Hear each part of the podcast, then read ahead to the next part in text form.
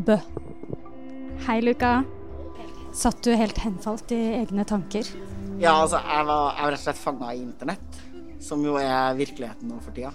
Ja, jeg, eh, jeg driver og tenker på en sånn sommerdetox, ja, faktisk. Oi. Nei, det var første gangen jeg sa det til noen jeg tar det tilbake. kan du ta en mikrofon, så skal vi gå og finne en bok? Her. Den boka vi skal snakke sammen om i dag, Luka Dalen Espeseth, dagens gjest i uh, Deichman-podkasten Utlånt til, er Middelseks. av, Jeff, av Jeffrey Eugenides. Eugenides. Jeg har googla etternavnet på internett, og så trykka på sånn høyttaler. Veldig lurt, for jeg har uh, rett og slett bare ikke lært meg navnet hans. Jeg sier det litt sånn som hun dama på internett. Jeffrey Eugenides. Der står den. Den tar vi med oss opp. Vi gjør det. Mm. Når man har lest en roman sånn skikkelig grundig, sånn som vi har gjort med denne, så er det egentlig ganske gøy å tenke på det potensialet som fins i hver bok i hyllene, da. For det er jo en ganske rik historie. Det ble jeg litt overvelda av å tenke på. det var ikke meninga!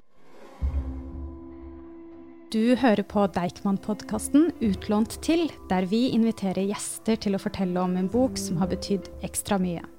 Jeg heter Ida og jobber med program og formidling her på Deichman. Dagens gjest er kjønnsviter, aktivist og rådgiver Luka Dalen Espeseth. Hjertelig velkommen til biblioteket. Tusen takk. Trives du på biblioteket?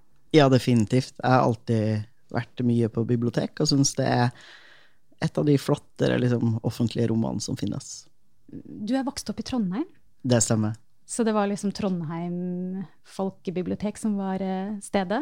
Ja, og vi har et helt nydelig folkebibliotek nede i byen, i et sånn ja, gammelt murbygg, eh, som også har Hvilket jeg jo i, i, dag ser på som helt forferdelig, men de har utstilt noen sånne skjeletter nede i en sånn krypt under en gammel kirke, som bygget er en del av.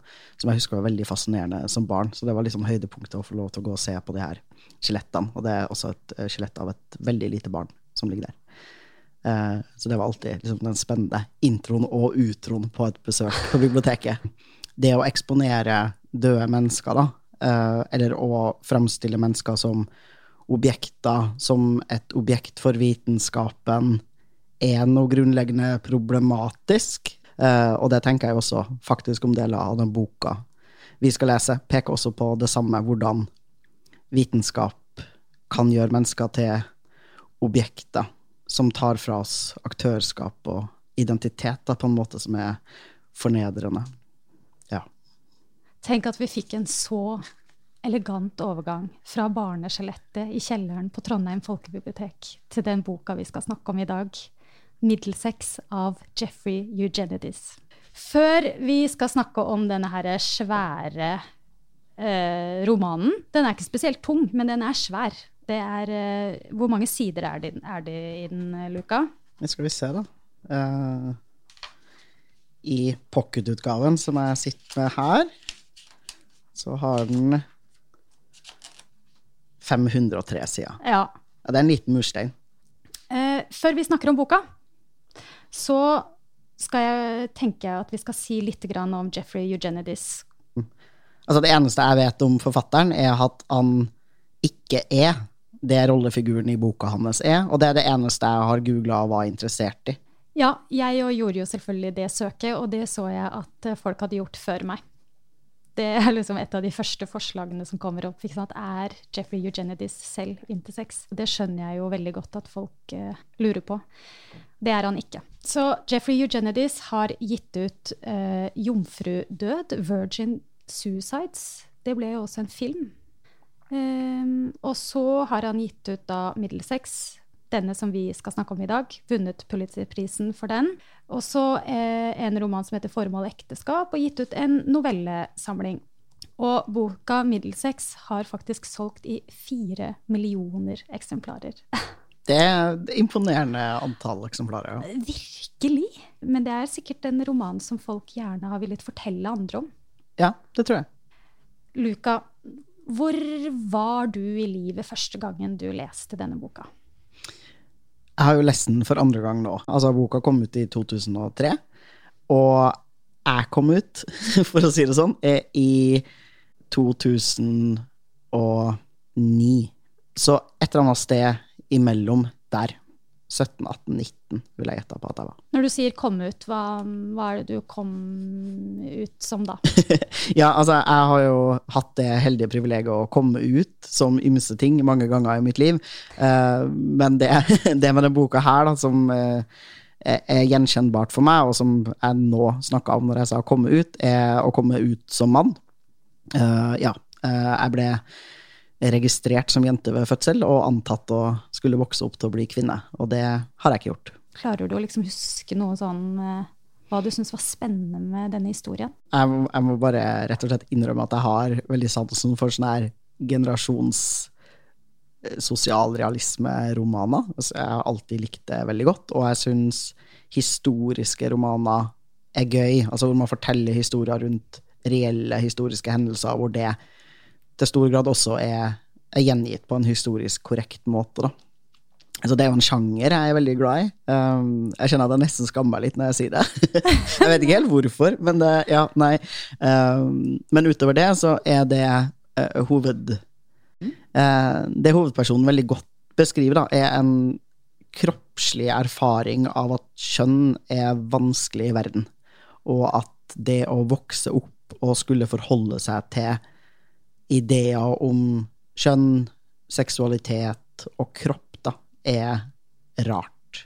Og det appellerte til meg allerede da. Jeg har alltid Jeg har lenge før jeg fikk en såkalt erkjennelse om å være mann, så har jeg hatt en helt reell opplevelse av å være uh, annerledes på alle måter når det kommer til kjønn. Det verdt å nevne at jeg ikke er intersex. Så jeg er altså da uh, i hermetegn bare trans, og ikke også inter. Jeg tenker at jeg har lyst til at vi skal høre et utdrag. Eh, gi oss nettopp smaken av at dette her er en veldig sånn fortellende roman. Så kan lese litt fra innledninga. Jeg er født to ganger. Første gang som lite pikebarn. En Detroit-dag med usedvanlig lite smog i lufta. I januar 1960. Og så igjen som tenåringsgutt. På et akuttrom ikke så langt fra Petoskey i Michigan. I august 1974. Spisskompetente lesere kan ha støtt på meg i dr. Peter Luces studie Genderidentitet i fem alfa-reduktase, pseudo-hermafroditter, publisert i Journal of Pediatric Endocrinology i 1975. Eller kanskje du har sett bilde av meg i kapittel 16 i den nå sørgelig foreldede Genetikk og arvelighet. Det er meg som står naken på side 578, ved siden av en høydemåler med svart sledd over øynene. På fødselsattesten min står jeg oppført med navnet Calliope Helene Stefanides. På det nye førerkortet mitt, fra den tyske forbundsrepublikken, bærer jeg kort og godt fornavnet Cal. I likhet med Theresias var jeg først det ene og så det andre. Jeg har blitt gjort til latter av medelever og til forsøkskanin av leger. Jeg er blitt palpert av spesialister og gjort til gjenstand for forskning av The March of Dimes. En rødhåra pike fra Gross Point ble forelska i meg. Hun visste ikke hva jeg var. Ja, allerede her på side 11 så får vi jo den her referansen til det barneskjelettet i kjelleren, da. Jeg er blitt gjort til forsøkskanin av leger. Ja, og det er en veldig Altså, I all faglitteratur om intersex så er det her veldig en sånn gjennomgang. At eh, folk står naken og blir tatt bilde av, og så har man sledda øynene deres, og man har også mye nærbilder av genitalia, som er en av de tingene intersektbevegelsen i dag også kjemper mot, da, den her ekstreme objektiviseringa og eksponeringa av kroppene deres på en så umenneskelig måte, hvor man bare blir framstilt som et sånn freakshow. Jeg syns han gjengir veldig godt den følelsen det er da, å skulle være det her objektet i legevitenskapen sine øyne. Hvis du har litt kritisk bagasje med det, og klarer å forstå hva som faktisk blir sagt her, så, så, får du et veldig godt bilde av hvor forferdelig man var og er mot mennesker som er intersex, eller som er trans, eller som på andre måter bryter med samfunnet sine forventninger og normer til kjønn og seksualitet. Storylinen i denne boka, hvor begynner den? Hvem er det vi treffer på først? Ja, altså Vi treffer jo for så vidt på hovedpersonen først, men han forteller jo bakover i tid i sin egen familie på en måte som er altså, litterært interessant, fordi han er på en måte til stede uh, utenfor sin egen kropp og utenfor sin egen tid, på en måte som er uh, godt skrevet frem, da, uh, syns jeg. Ja, du stiller jo et spørsmål som jeg ikke kan besvare, som er hvor og når den starter. For da må du gi meg et sted og årstall, for det er også sånn som min hjerne ikke Ja. ja. Det er eh, Smyrna. Ja, Smyrna i Er det Hellas? Ja. Og cirka årstall på det? Eh, det må vel være begynnelsen av 1900-tallet. Mm. Eh, en eh, brann. En mm. krig. Tyrkerne brenner ned byen Smyrna. Og Destemona og Lefty flykter. Ja. Det er liksom begynnelsen på denne romanen, sånn som jeg husker det. Men det er jo noe spesielt med Destemona og Lefty, da. ja. De er, de er, søsken, og de er vel også tremenninger. Fordi man har drevet med innavl i generasjoner i små landsbyer rundt omkring. Litt sånn som man har gjort mange steder i verden, skulle jeg si. Um, og de, når de rømmer og tar båten etter hvert da over til USA, så starter de på en måte livet sitt på nytt. Som ikke-søsken, men som kjærester som senere gifter seg. Og det er en avtale de på en måte inngår med hverandre, at det her skal være en hemmelighet, og så legger de det gamle livet og det gamle landet bak seg. Og ja, gifter seg, får barn. Det er der det begynner. det er der det begynner.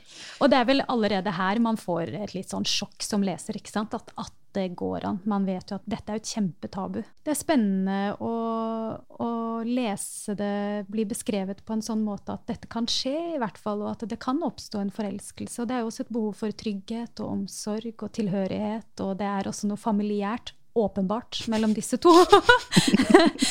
Men all den tid det ikke er to søsken som har sex, for det her er en bok, og den er skjønnlitterær, så har du ikke gjort noe galt, men du vil sannsynligvis allikevel føle på den skammen. Da. Og det gleder meg som leser. Som en sånn leser som er interessert da, i seksualmoral, så syns jeg det er spennende.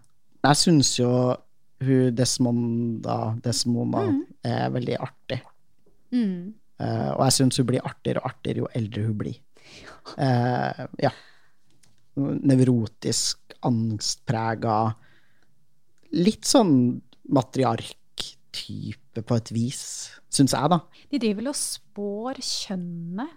Ja, og det er jo egentlig en ganske bærende rød tråd i historien på mange måter. Altså, det handler både om den kulturen man har med seg fra, fra hjemlandet sitt, og eh, hele ideen om hvor viktig kjønn er, og, og at hun har en sterk identitet knytta til nettopp det at du kan gjette riktig på hvilket kjønn man føder. Og det er også sånn at foreldrene er veldig opptatt av hvilket kjønn eh, har, da, og driver og liksom timer og eksperimenterer med når man skal ha sex for å fremme sjansen, eller øke sjansen for at man får en gutt, da, som er det de i utgangspunktet ønsker.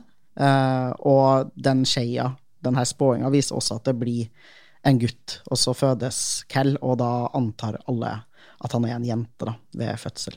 Altså, hun er kjemperedd når hun blir gravid, og det påvirker også deres ekteskap ganske sterkt, at den kjærligheten deres relativt raskt går over, og at erotikken mellom dem dør hen da, i den her skammen over at de er søsken, og den her frykten for hva det kan føre til genetisk hos avkoppene deres.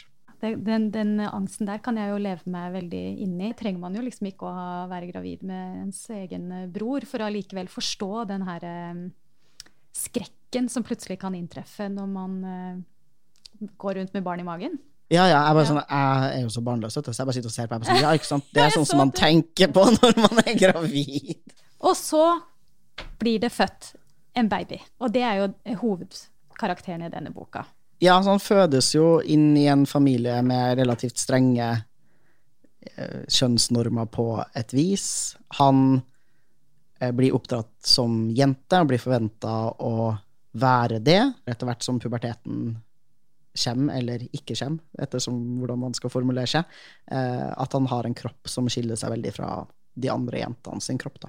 Men vi, vi, får egentlig ikke så mye innsikt i hans tanker før han er liksom oppe i tenårene. Det som er bærende for hans historie som barn, føler jeg mer, er de begivenhetene som foregår rundt den i Detroit, og hvordan familien hans forholder seg til det, og en sånn beskrivelse av en far som ikke får til helt det han vil i livet, og som radikaliseres ut mot ytre høyre av det, og blir stadig mer og mer uttalt rasistisk mm. og kjip i en by som forsøksvis uh, start, prøve å gjøre noe oppgjør med rasismen da, som råder i USA. Mm. Mm. Det kommer en pubertet, og du sa jo det. Det er en pubertet som ikke kommer, eller en pubertet som i hvert fall liksom går i en annen retning enn det alle forventer. Og så skjer det noe som gjør at de eh, går hen og undersøker kroppen hans. Ja, altså det som skjer, er jo at han ja, ikke kommer i en pubertet som går som forventa, og fordi han lever i en familie som ikke snakker så veldig åpent om pubertetsutvikling og kropp i det hele tatt, så går han vel i begynnelsen litt glipp av sin egen uvanlige kroppslige utvikling. Uh, og så blir han mer klar over det etter hvert, og syns da det er skamfullt, og det er noe han prøver å skjule. Mm. Men ja, han blir da etter hvert tatt med til en lege, som da uh, oppdager at han har en uvanlig sammensatt kropp, da. Boka har blitt kritisert i en del intersex-miljøer for å være lite plausibel i sin framstilling av når han oppdager at han er intersex. Men det er også egentlig ganske godt forklart i boka hvordan det kan skje, ved at eh, det som er familielegen som var med på båten over til USA, er en ekstremt gammel fyr som har en legeutdanning som er fullstendig utdatert, uh, og som Cal heller ikke har noe godt forhold til i, med tanke på liksom skulle kunne åpne seg eller snakke om, kroppen sin. Da. Ja. Blir da tatt med til eksperter på intersex, og de er jo i den tida, og det er for så vidt en relativt realistisk framstilling av sånn som man forsto skjønn på den tida i legevitenskapen. Det fantes litt mm, for så vidt som i dag, da, forskjellige måter å forstå skjønn på. Og noen tenkte veldig at uh, kjønnsidentitet var noe du fikk av oppdragelse, og at uh, genetikk og deg selv da, ikke har noen ting å si. Um, og at man kan Altså barn er som blanke ark, hvor man bare inskriberer sosiale normer på dem, uavhengig av hvordan uh, genetikken og kroppen deres ser ut. Og på motsatt side så fantes det vel en del folk som mente at enkle genetiske trekk eller enkle kroppslige trekk var helt determinerende for uh, hva slags kjønnsidentitet du skulle finne på å ende opp med. Eh, så kan jeg jo fortelle fasiten da, til lytterne våre, så det er jo at eh, det ligger et sted mellom det her, da. det, det Jeg ante meg at du skulle dit. ja. Eh, så um, han blir da utsatt for en del medisinske og psykologiske tester, som er helt forferdelige. Det er helt hårreisende, og det er også verdt for en leser i 2021 å vite at sånn her i stor grad behandler man fortsatt intersex-folk, bare med en litt annen måte å forstå kunnskapen og, vitenskapen om, kjønn på, da. Men det er fortsatt like problematisk uh, å lete etter den sanne essensen av noen sitt kjønn. Um, og det å bruke forskjellige parametere for å skulle måle det. Men det som er veldig spennende, er at de altså prøver å finne ut av hva hans ekte kjønnsidentitet er. Og det faller ingen inn og spør han om det. Eh, Istedenfor så eh, blir han målt og veid og testa, og kromosomer blir sett på, og genitalia blir vist fram, og man spør og blir Han blir eksponert for pornografi og blir spurt om hva han tenner på og ikke. Han lever opp da, til kjønnsnormene og forventningene til kvinner i samfunnet dette med seksuell orientering også, hvor mye det knyttes opp til antakelsen av hva slags kjønn han er, ja. er også veldig eh, merkelig. I en annen, mer sånn opplyst situasjon så ville jo eh, Cal i hvert fall kunne ha svart sant på det. Så, så det tankegodset det fins fortsatt. Og jeg kan bli utsatt for at folk syns det er merkelig i dag at jeg syns at menn er tiltrekkende. Og folk blir litt sånn Hæ? Men hvorfor? Hvorfor har du valgt å bli mann, da? Og så kom man det. Men OK. Det er nesten vanskelig å reversere Logikken deres, ja. ja. ja. Det er kjempevanskelig Men, ok, for meg. men det er jo basert på de samme antakelsene som egentlig i denne romanen, da. Som Definitivt. den her doktoren eh, er ute etter, og tenker at ja, ja, nettopp, nettopp. Ja, men da, eh, nå som du er tiltrukket av gutter, så liksom, ja. Ja. For konklusjonen her blir at uh, Cal skal uh, få en eller annen behandling. ja, å kalle det behandling er jo en eh, Eufemisme heter det. Ja. Forskjønning. Definitivt. Det Det han eh, legen sier, eh, uten å involvere, og han, han er jo 16-17 år på det her tidspunktet, han får ingen eh, informasjon om egen kropp, han får ingen informasjon om hva han blir utsatt for. Han samtykker ikke til noen ting av det han blir utsatt for i de her legeundersøkelsene, og så får foreldrene hans beskjed om at han skal gjennom et lite inngrep for å fikse kroppen hans, for den er det tydeligvis noe galt med. Da kan jeg jo nevne til lytterne at det er ingenting galt med kroppen hans. Og det de har tenkt å gjøre, er å redusere størrelsen på klitorisen hans, eller penisen hans. Altså, Krokus, kaller Cal det selv. ja, han gjør det. Og eh, på den tida her, og i boka òg, så er det et type kirurgisk eh, inngrep som eh, i stor grad vil ødelegge funksjonen til det organet, da, som er seksuell nytelse. Um, ja. Og da kan man jo tenke herregud, så forferdelig, men da vil jeg nok en gang si til lytterne at det her er eh, former for kirurgi vi fortsatt utfører på intersex-barn i dag, uten å innhente noe samtykke fra dem. Eh, og selv om man har kirurgiske teknikker i dag som muligens bevarer den seksuelle følelsen noe bedre, så har man altså fortsatt en idé om at hvis du skal være kvinne i verden, så må klitorisen din være under en viss størrelse, ellers så er det eh, tilrådelig å, å endre på den. Eh, og det sier noe om måten vi forstår kjønn på. Vi ønsker at kjønn skal være ryddig, og når naturen lager det uryddig, så går vi altså inn i kroppene til folk og enten justere dem altså justere dem når det kommer til intersex-folk, eller nekte å justere dem når det kommer til transfolk. Jeg blir forbanna når folk eh, prøver å framstille som det er jeg som pusher en slags radikal kjønnsideologi, når jeg mener at folk skal få lov til å bestemme primært over sin egen kropp og sitt eget kjønn selv. Eh, hvis man skal snakke om noe som en radikal kjønnsideologi, så er det når du skjærer i kroppen til babyer for at de skal tilfredsstille din idé om kjønn. Dette har vi godt av å lese om, Mm. og at uh, vi må vite at dette foregår fortsatt uh, her og veldig mange andre steder. Men så skjer det noe. Ja. Uh, det som skjer, er at Cal får beskjed da, om at han skal gjennomgå et, et lite inngrep, og han Bare som en liten føflekk, sier Ja. foreldrene. Ja. Så han skal bare fjerne en liten føflekk, aka hele klitorisen sin. Um, og det er jo helt hinsides, og han har jo allerede eh, oppdaga seksualiteten sin, altså for relativt lenge siden, og er glad i sin egen seksualitet og sin kropp og måten den kan brukes på, både i møte med seg selv og andre. Og så vil han jo da intuitivt ikke det her, og han vet jo også at han har løyet til, ikke at det er så relevant for så vidt, men han har noe løye til helsepersonell om hvem han er og hva han føler og hvordan han erfarer verden. Og så snike seg inn på det kontoret og lese sin egen journal. Og det er jo et ganske et vendepunkt i boka, hvor han leser forferdelige medisinske beskrivelser som er fornedrende om egen kropp, og hvor legen konkluderer da med at han har kvinnelig kjønnsidentitet eh, uten å ha spurt den et eneste ord om kjønnsidentiteten hans. Um, ja. Og Kell reagerer jo da rett og slett med å rømme fra hele situasjonen, og rømme fra det her inngrepet, og starter da sitt liv på nytt.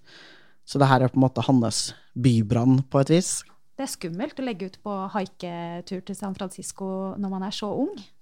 Ja, og han beskriver jo det som eh, at han blir utsatt for ja, grov vold og seksuelle tilnærmelser som ikke er, ønska. Og um, han beskriver også møtet med skeiv kultur som, som er spennende, fordi han har jo en han er en ganske normativ heteroseksuell fyr. Ender jo opp som en eh, utrolig streit fyr i Berlin. Ja. Ja. Og det tenker jeg var a waste av både San Francisco og Berlin som byer. Å bare leve der som så streit, liksom. Jeg bare kom igjen. Å ja. Ja, sant. Ja, det er litt sånn overraskende. Der hadde du den muligheten, liksom. Hvorfor blei du ikke bare der? Og så bare nei. Og så når han først faktisk drar til Berlin, så er det for å leve som liksom, en sånn der urgammel gentleman, liksom. Eller hva det er. Ja. Men det er jo Det er jo på en eller annen måte Ja, bare artig, det òg. Reiser i hvert fall ut og lever resten av livet sitt som mann. og trives for så vidt med det. Snakker mye om mannsrollen senere i boka, og om ting han gjør eh, som mann og for å være mann. Eh, snakker mye om klær, måten han ter seg på, eh, og måten han er i verden på, da.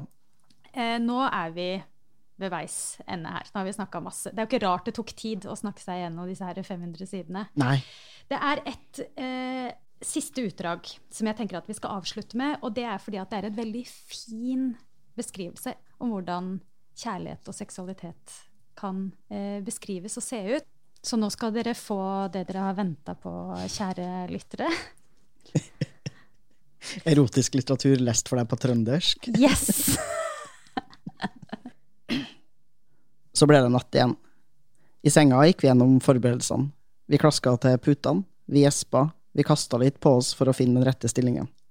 Og så, etter en passende tids taushet, kom det en lyd fra gjenstanden.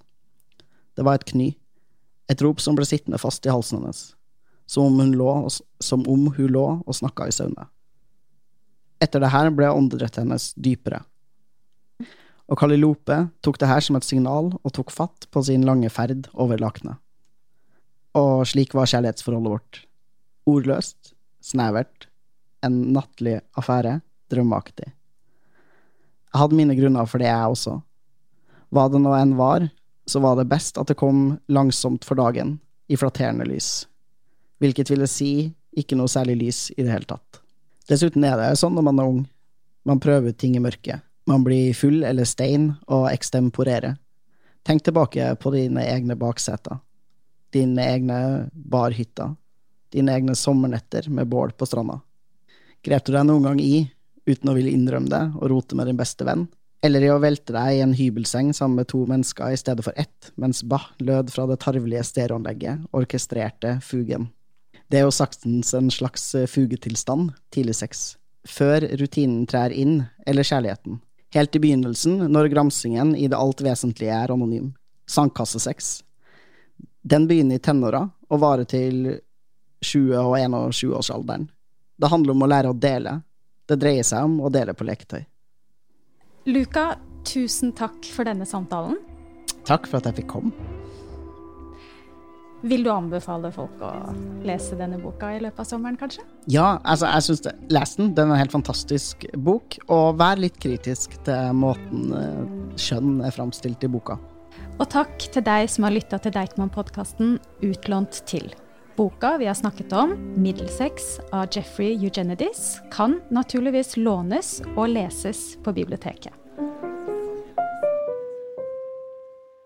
Dette er en podkast fra Deichman, hele Oslos folkebibliotek.